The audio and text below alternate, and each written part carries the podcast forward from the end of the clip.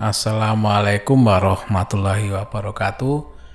Ketemu lagi di dongeng tengah malam. Jangan lupa ya, eh, jaga kesehatan, jaga kebersihan, dan anjuran pemerintah. Mungkin teman-teman kalau yang ada di luar kota, eh, tahun ini sepertinya belum bisa mudik dulu, ditahan dulu lah.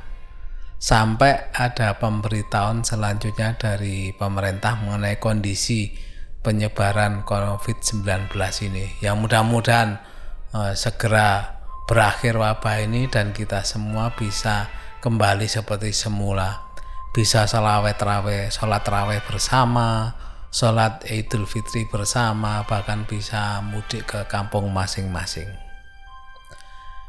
Untuk yang belum subscribe silakan subscribe untuk update-update dongeng tengah malam, cita-cita terbarunya jangan lupa like dan komennya ya eh, untuk memberikan informasi ke Pak D bahwa beberapa orang memang aktif untuk hadir dan memberitahukan ke dongeng tengah malam bahkan mungkin ada hal-hal yang baik bisa diceritakan di komentar ya mengenai gimana cara menjaga kesehatan yang baik, kebersihan yang baik dan sebagainya. Untuk yang di Spotify bisa follow untuk update cerita-cerita terbaru dari Dongeng Tengah Malam.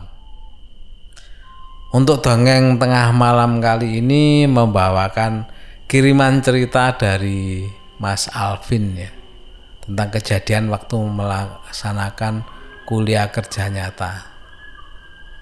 Ini uh, kiriman dari Mas Alvin ya. Halo, saya Alvin saya punya pengalaman horor selama KKN di Malang. Dan mohon maaf kalau tulisan ada yang nggak benar karena Mas Alvin memang bukan penulis dan saya hanya ingin berbagi pengalaman saja dan juga mohon maaf kalau mungkin ceritanya terlalu panjang ya. Karena 100% ini cerita yang dialami Mas Alvin. Dan di cerita ini disampaikan Mas Hafin bahwa untuk mengenang uh, temennya yang sudah almarhum ya, uh, namanya Aulia Masafa, yang pergi doan menghadap ke, ke hadapan Allah Subhanahu wa taala karena sakit keras telah melakukan KKN ini. Dan KKN ini terjadi sekitar tahun 2017 di desa di daerah Kabupaten Malang, eh, tepatnya di kaki Gunung Semeru. Langsung ya ini saya bacakan ceritanya. Saya adalah mahasiswa di salah satu kampus swasta ternama di Malang. Saya melakukan KKN dengan 25 orang, yaitu 15 putra dan 10 putri atau wanita saya melakukan KKN ini selama tiga bulan karena saya ikut program KKN khusus. Sebenarnya KKN aktifnya cuma satu bulan. Dua bulannya saya bisa dikatakan seminggu sekali mengunjungi desa tersebut untuk meninjau pro, uh, perkembangan program kami.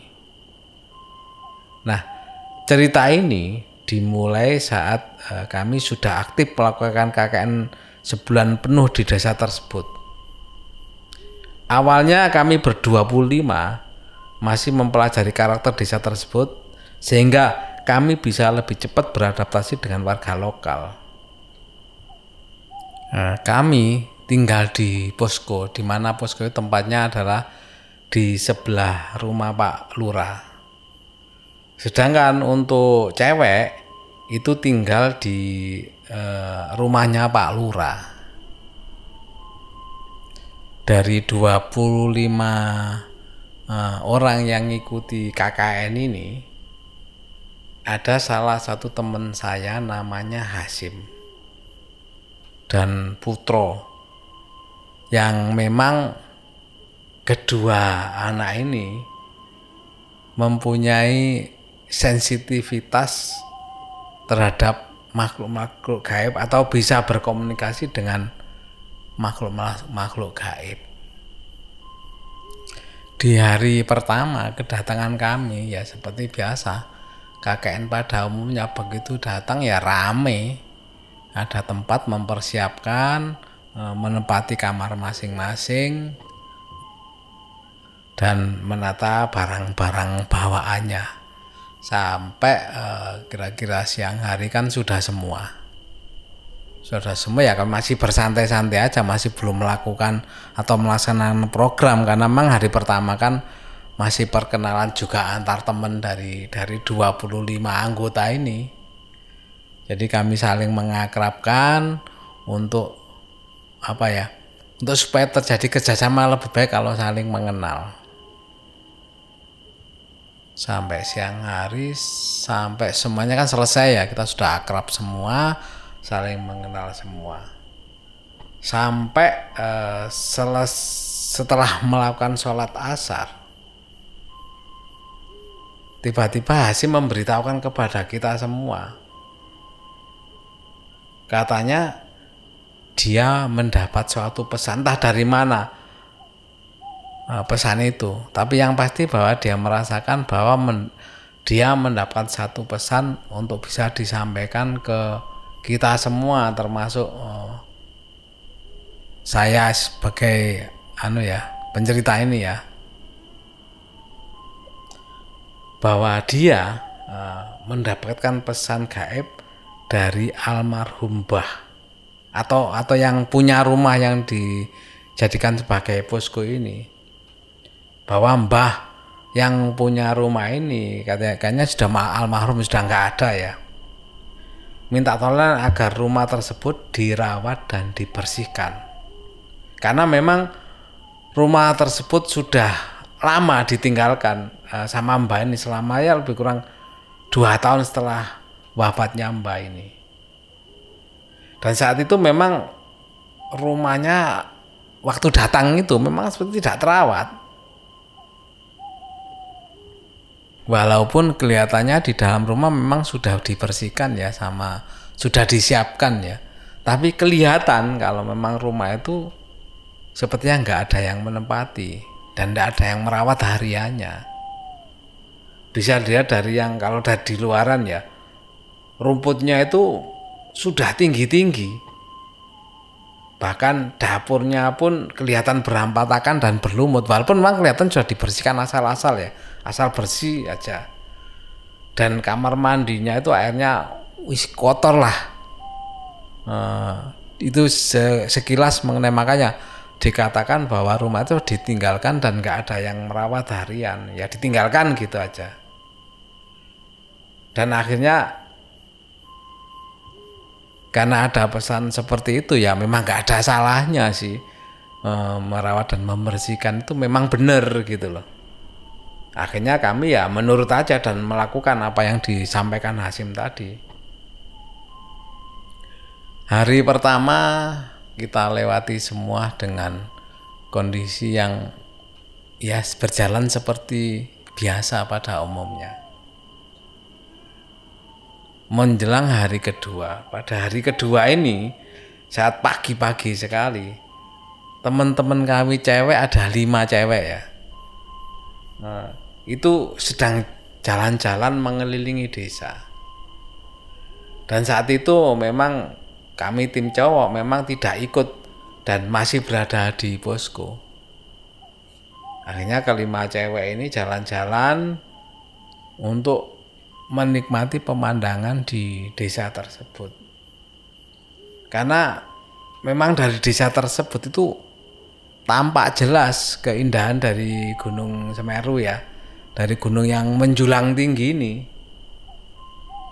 Dan pada waktu sedang asik-asiknya mereka jalan-jalan gak sengaja kelima teman cewek ini melewati sebuah kuburan desa.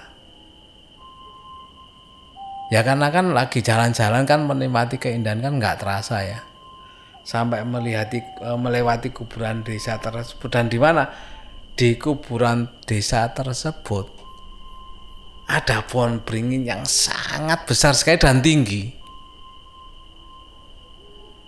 Kan mereka juga kagum juga gitu loh melewati kok ada pohon beringin yang tinggi dan otomatis kan di bawahnya dan kelihatan jadi apa ya karena masih pagi kan agak gelap-gelap gitu ya. Dan tidak lama setelah melewati ke kuburan sebut tiba-tiba ada teman cewek kami namanya sudah Wida ya langsung mendadak lemas dan pingsan. Begitu mendapati Wida lemas dan pingsan otomatis cewek-cewek eh, ke empat cewek ini kan kaget kaget karena tahu-tahu kok temennya Wida uh, jatuh pingsan.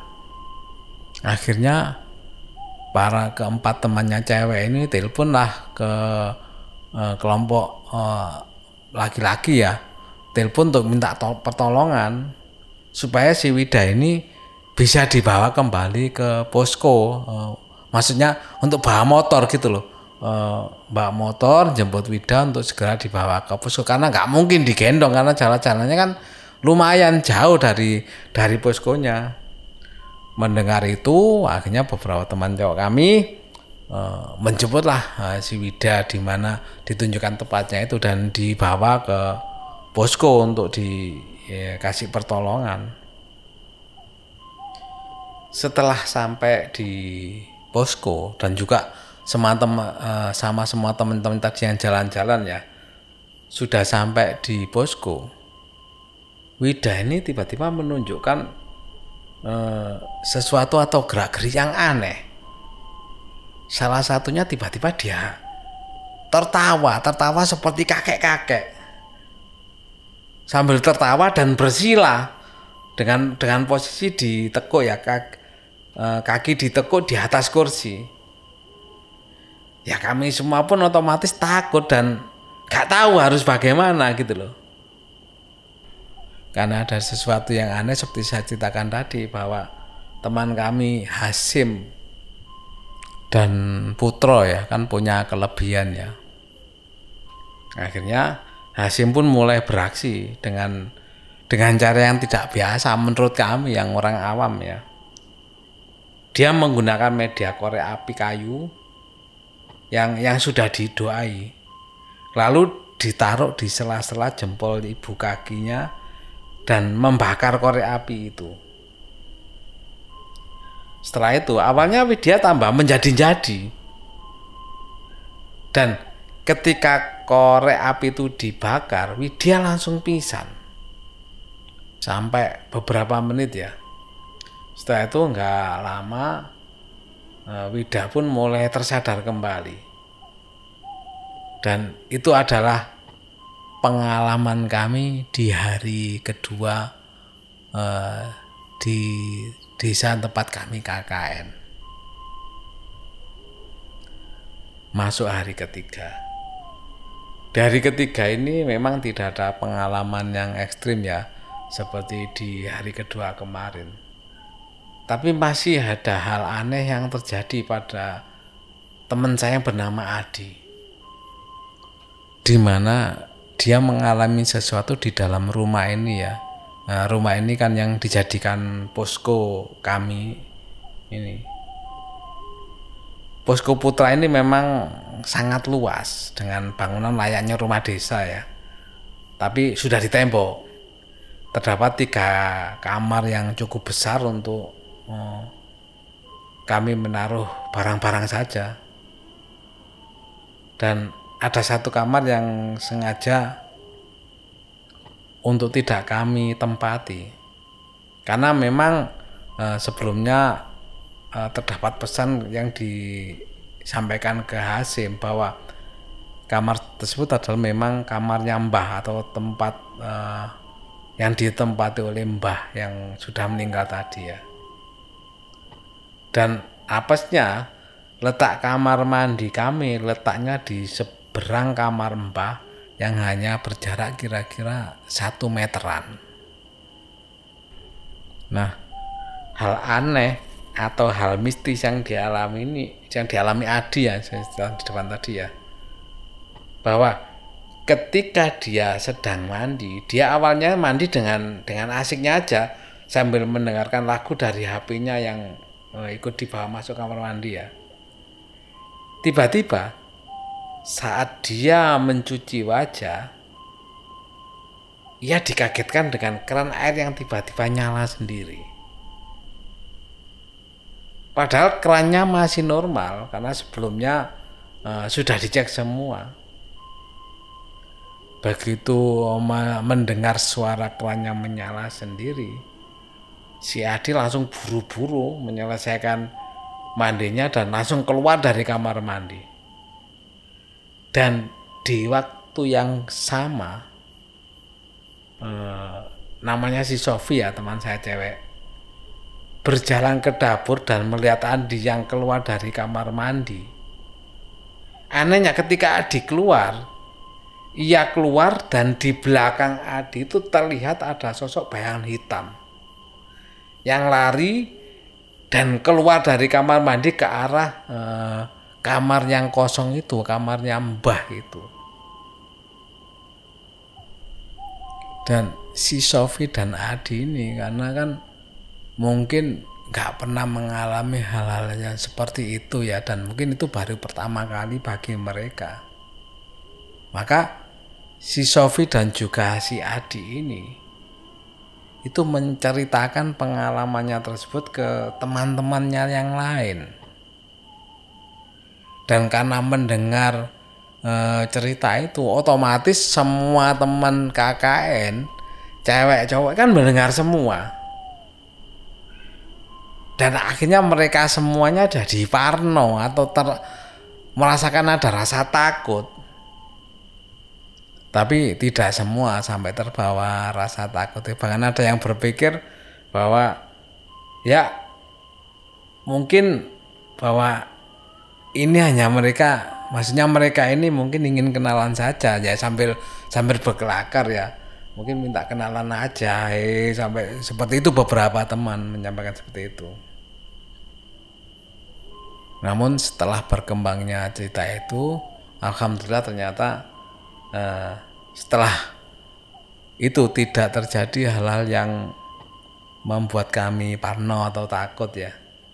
Dan hari-hari berikutnya pun berjalan seperti hari biasa pada umumnya ya kita bersosialisasi di KKN ya. Sampai uh, menuju hari ke-6 ya. Pada hari ke-6 itu hal mistis terjadi lagi pada uh, diri saya sendiri atau Mas Alvin ini. Di mana waktu itu uh, sudah menuju sekitar pukul 20 atau 8 malam ya. Mas Alvin ini sedang ada di kamar depan melakukan setrika baju. Karena memang hari itu Mas Alvin sedang mencuci pakaian.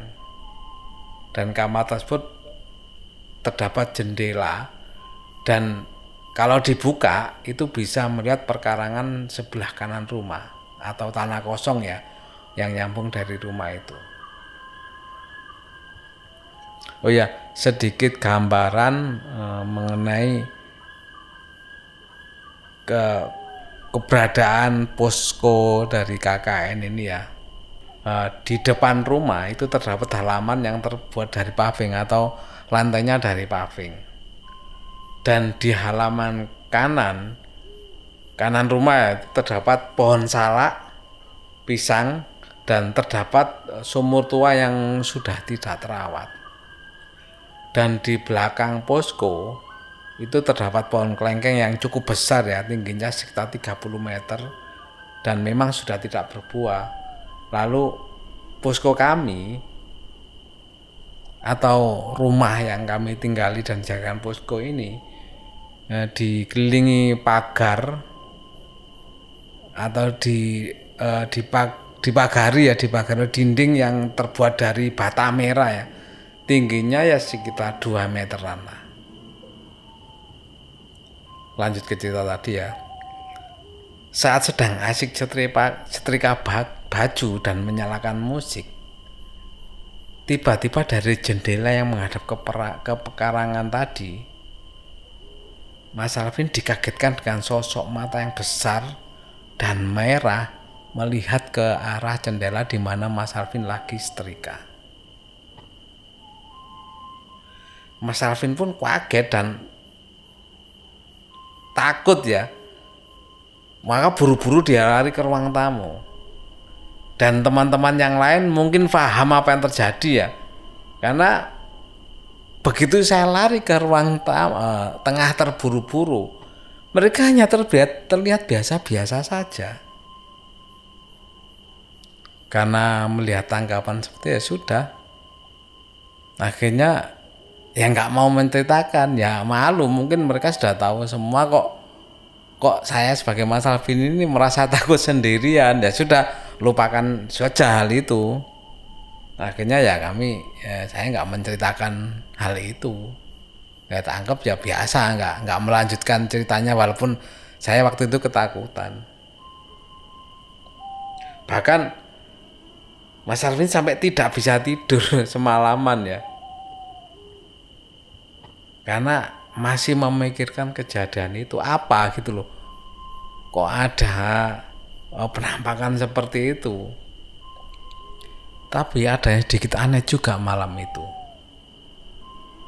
Karena malam itu uh, tidak terlihat sosok Hasim sejak Bakdo Maghrib. Ya mungkin lagi dia ngopi kali ya. Namun sampai jam sekitar setengah 12 malam, barulah Hasim ini terlihat datang dengan uh, memakai jaket merah andalannya yang biasa dia pakai. Sempet uh, kutanyain si Hasim ini dari mana saja dan dia jawab dari jalan-jalan gitu aja. Namun aku merasakan uh, bahwa Hasim ini sedang menutup-nutupi sesuatu. Tapi ya sudahlah, aku coba merasa masa bodoh lah dan akhirnya lanjut berusaha untuk tidur dan alhamdulillah akhirnya tertidur sampai pagi esok harinya adalah hari ketujuh di mana pas satu minggu kita semua berada di desa tempat eh, KKN ini. Pagi hari eh, kita semua melakukan rundown atau kegiatan seperti biasa lah eh, pagi hingga sore menjelang sore sekitar pukul 4 sore ya tiba-tiba si Hasim mendekati saya dan berkata Rek pingin naruh sesuatu engkau bar maghrib ayo melu aku maksudnya ya kalau ingin tahu sesuatu, nanti habis maghrib ayo ikut dengan saya. Mendengar ucapan Hasil seperti itu, aku pun mengiyakan aja ajakan Hasim itu. Hasim pun juga mengajak Putro dan Adi. Dan akhirnya kami berempat pun akhirnya berangkatlah setelah maghrib. azan maghrib berkumandang dan kami sholat berjamaah di posko KKN kami. Namun setelah sholat maghrib saya berempat langsung minta izin ke ketua tim bahwa kami e, berencana untuk keluar dengan alasan jalan-jalan silaturahmi ketemu dengan para warga desa ini. Kami berempat pun berangkat lah. Tapi sebelumnya Hasim mengajak kami ber, kami semua berempat berwudu dulu, berwudu dulu. Bahkan Hasim menyampaikan bahwa dengan air wudhu atau kita berwudhu itu bisa melindungi kita dari kejahatan setan. Dan kami pun melakukannya. Kayaknya setelah kami berwudhu, kami pun melakukan eh, perjalanan mengitari rumah di sekitar posko telah mengitari dan akhirnya uh, kami semua berhenti di belakang posko uh, posko kami ya yang yang terlihat dari situ hanya dinding eh, setinggi sekitar 2 meteran ya yang saya uh, ceritakan mengitari dinding mengitari rumah posko kami ya. Yang ditumbuh lumut-lumut. Uh, dan dua pohon kelengkeng yang tinggi yang kalau dilihat itu ya cukup mengerikan. Karena kan gelap-gelap ya habis maghrib ya. Dan di situ kami berhenti uh, dan disuruh oleh Hasim untuk duduk di bawah dan hanya diem saja layak orang menunggu. Di situ Putro pun uh, sepertinya paham apa yang kami lakukan ini. Dia layaknya membantu Hasim untuk melakukan aktivitas yang aneh ini. Cukup cukup lama kami menunggu menit lah kami menunggu dan tidak ada suara apa pun dari kami. Lalu tiba-tiba Adi melontarkan pertanyaan. Bro, nyapa wak dewi ndek kini? Lapo kok meneng-menengan neket mau? Maksudnya, bro, ngapain kita di sini? Kok diem-dieman aja dari tadi? Kemudian aku pun menjawab, lampu Hasim. Sampai putra meneng ya aku ya melok meneng toh di. Maksudnya ndak tahu Hasim dari tak sama putra kok diem aja aku yo ikut ikutan uh, eh, ikut ikutan diem katanya uh, si Alvin. Setelah itu akhirnya putra menjawab iki lo Sim coba jalan are-are iki.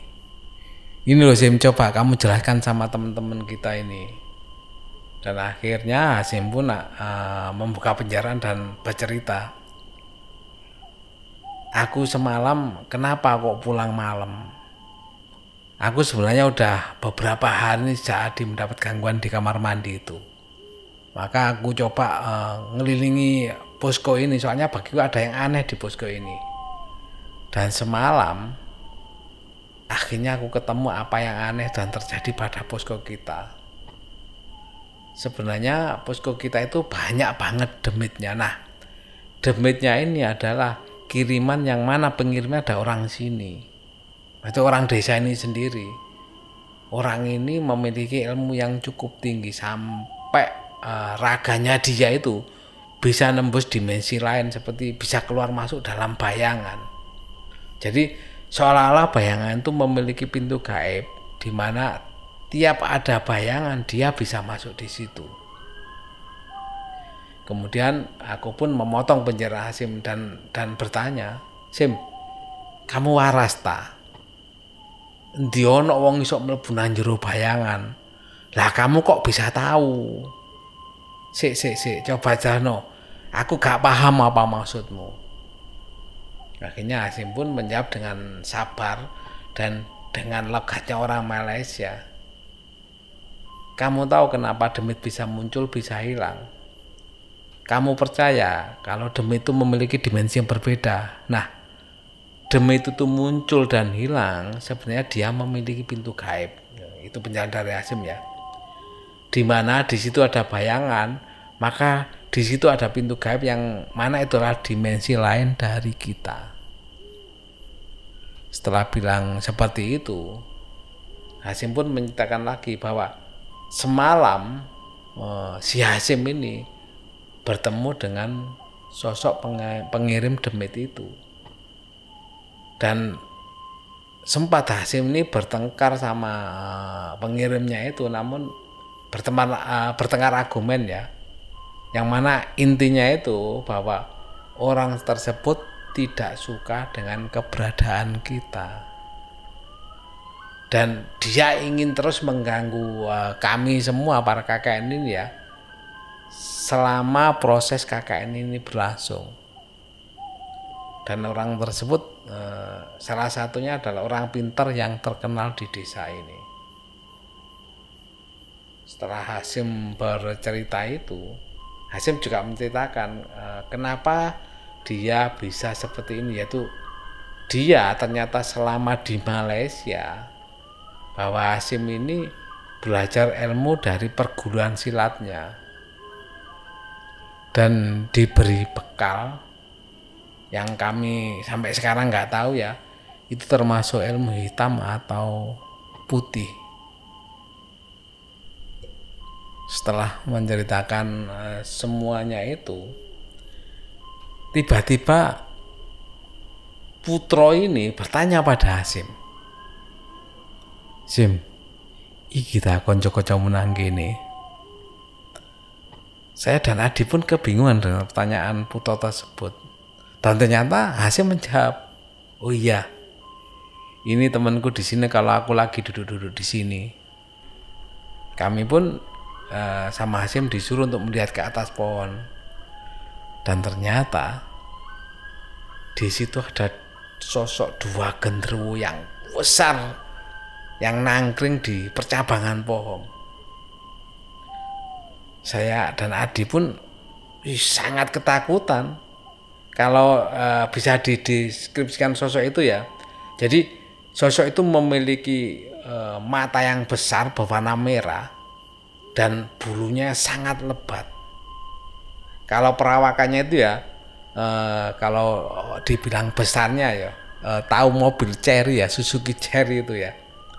Itu besarnya ya seperti itu dan memiliki kuku-kuku yang panjang setara rambut yang tak kalah panjangnya. Bisa dibayangkan ya ketakutan yang kami alami sama Adi karena memang uh, kami yang belum pernah melihat sosok-sosok seperti itu. Ya, ya sangat ketakutan sekali. Bahkan uh, kata Hasim bahwa sosok genderuwo itu adalah memiliki jenis kelamin laki-laki. Ya itu tadi part pertama ya, karena ceritanya masih panjang ini. Eh, dari pengalaman KKN di desa kaki di kaki Gunung Semeru ya. Ini masih ada lagi kelanjutannya nanti di part berikutnya ya. Makanya untuk yang belum subscribe silahkan subscribe untuk uh, supaya ada notifikasi cerita selanjutnya dari Tongeng Tengah Malam juga yang di Spotify ya. Silakan follow untuk update cerita berikutnya ya. Uh, saya kiri sampai di sini dulu untuk part pertama, nanti part kedua menyusul. Terima kasih telah mendengarkan dan semoga terhibur. Saya akhiri wassalamualaikum warahmatullahi wabarakatuh.